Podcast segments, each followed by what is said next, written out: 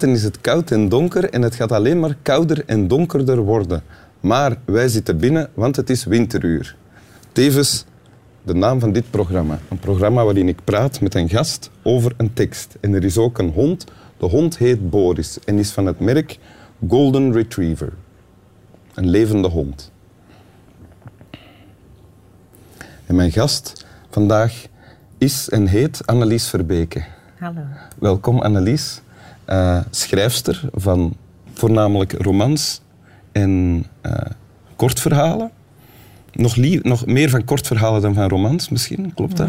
Ja, dat schrijf ik het liefst. Het liefst, ja. Maar af en toe moet er een roman tussen, omdat die beter verkocht worden. Nee, dat doe ik ook graag. Ah, dat maar, doe je ook graag. Ja. Ah, ja. maar uh, ja, ik heb het meeste plezier aan korte verhalen. Ja. Uh, en verder ben je ook toneelschrijfster. Uh, vertaald in meer dan twintig talen al. Ja. Hè? Waaronder Turks bijvoorbeeld. Ik heb nog ooit Turkse les gevolgd. Maar als ik dat Turks dan zelf gebruikte tegen echte levende Turken, dan lachte die mij uit omdat ik bekakt Turks praatte. Dus ik ben daarmee gestopt. Oké. Ja. ik ben blij dat ik dat weet. dat neem ik aan. En de mensen thuis ook. Je hebt voor ons een eh, fragment gekozen. Wil je dat voorlezen? Ja. Laten we zeggen dat de mens zoiets als een mensenmenigte is. In die menigte zwerven de doodgewone man, de hypochonder, de held, degene met de ellebogen en God weet wie nog meer rond. Het is een bonte schaar die echter een gezamenlijke weg gaat. Er heeft altijd één van hen de leiding en die gaat dan een eind voorop. Laten we ons, om het aanschouwelijk te maken wie leidt, voorstellen dat hij een vaandel draagt met het opschrift ik. Nu is hij dus ik. Het is slechts een woord, maar zo'n machtig en gezagvol woord. Zolang hij die ik is, heeft hij de heerschappij over de menigte. Vervolgens dringt er weer iemand anders uit de massa naar voren. Wel, en dan draagt hij het vaandel en is de leidende ik. Dank u wel. Wat heb je voorgelezen nu?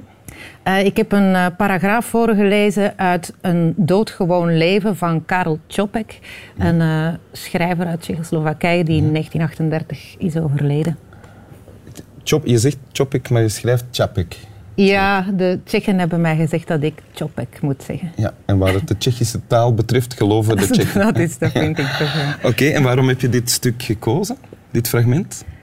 Ik heb dat gekozen omdat ik uh, ja, in de eerste plaats toch uh, mij daarin uh, bevestigd voelde, denk ik. Het is iets wat ik, hoe ik er zelf al lang over dacht. En het is fijn dat dan een grote schrijver uit het verleden precies zo verwoordt ah, wat ja. ik zelf ook voel. Zo getroffen zijn door iets dat je eigenlijk altijd zelf ook al dacht, maar nog nooit zo duidelijk of heel, en helder verwoord had. Ja, het is, het is in ieder geval heel helder verwoord. En uh, ja, het is ook iets uh, ja, wat, waar niet zo vaak over gepraat wordt, denk ik. Want dat zou zo, ja, als je zegt dat, dat je uit vele ikken bestaat, zou dat voor sommige mensen kunnen overkomen alsof dat je geen, uh, geen man uit, of vrouw uit één stuk bent. Ja. Of, of dat je heel gefragmenteerd bent ja. en misschien daardoor minder betrouwbaar. Maar hoe hij het verwoordt, uh, denk ik, is, is heel eerlijk van... Ja, uh, zo is het toch ook. Uh, we, we, we, zijn meerdere mensen tegelijk en dat is zelfs een goede zaak. Ik, ik, wat ik leuk vind is, als ik dat lees, dan stel ik het mij gelijk voor. Als jij het voorleest, dan stel ik mij gelijk een, een menigte analysen verbeken voor. Van wie er één de vaandel draagt, op dit moment dan. Ja, maar die, dat zijn ook mannen, vrouwen, kinderen, travestieten. Ah, okay. en, ja, dat is... Travestieten? ja, ja. Ah, dat zijn niet allemaal analyse verbeken.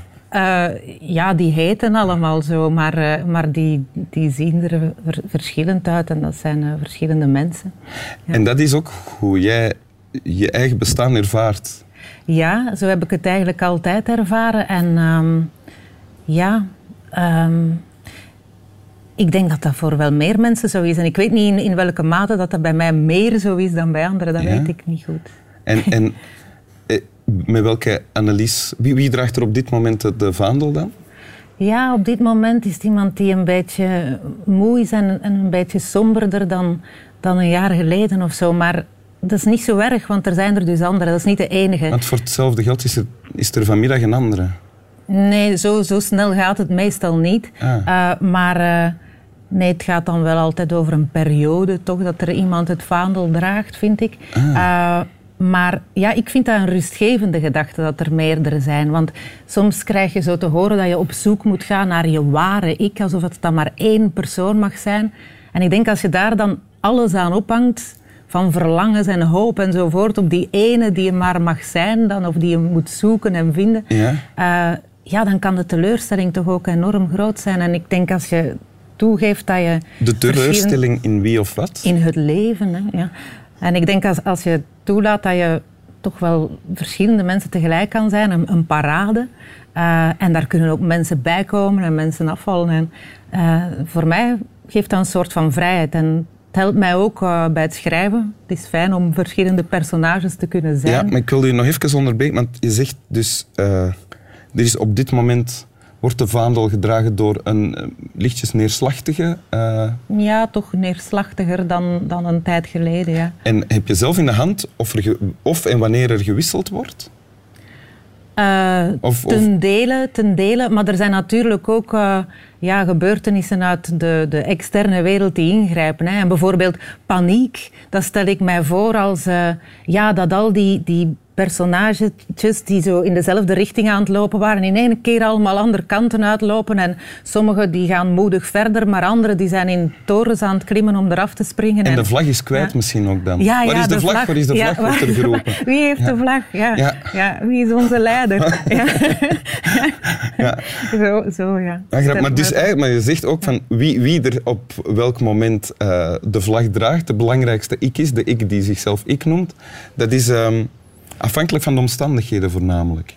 Nee, niet alleen. Uh, dat, dat, hangt met heel veel dingen samen. Maar ja, de omstandigheden uh, hebben daar natuurlijk mee te maken. We je kan daar zelf ook in kiezen of, of in beslissen? Je kunt ten dele kiezen, maar af en toe gebeuren er natuurlijk wel, wel grote gebeurtenissen in het leven die je niet in de hand hebt. Ja.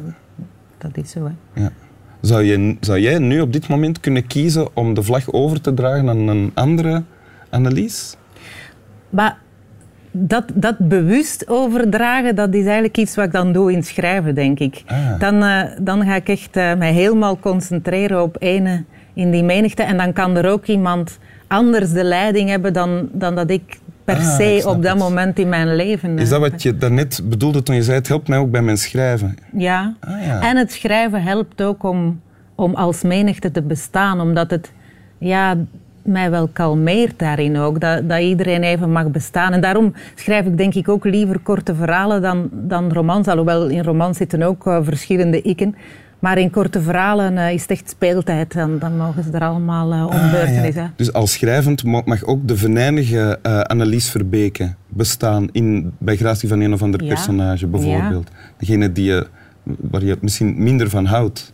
Ja, tuurlijk. Ah, ja. En in die zin is het bevrijdend. Ja, dat vind ik toch. het zijn verschillende mogelijkheden. Ja. Ik ben mij nu zelf ook aan het voorstellen hoe, welke, want ik vind het een, nog los van het. Uh, ik vind het vooral een heel leuk idee om zelf mij voor te stellen ook. Dus ik ben nu de uh, luister graag Wim Helsen, die dan even de vlaggenstok heeft overgedragen. Want ik denk dat bij mij wisselingen snel gebeuren. Aan de Wim Helsen die zichzelf graag hoort praten. En die geeft nu dan weer de stok terug aan de luisterbereide Wim Helsen.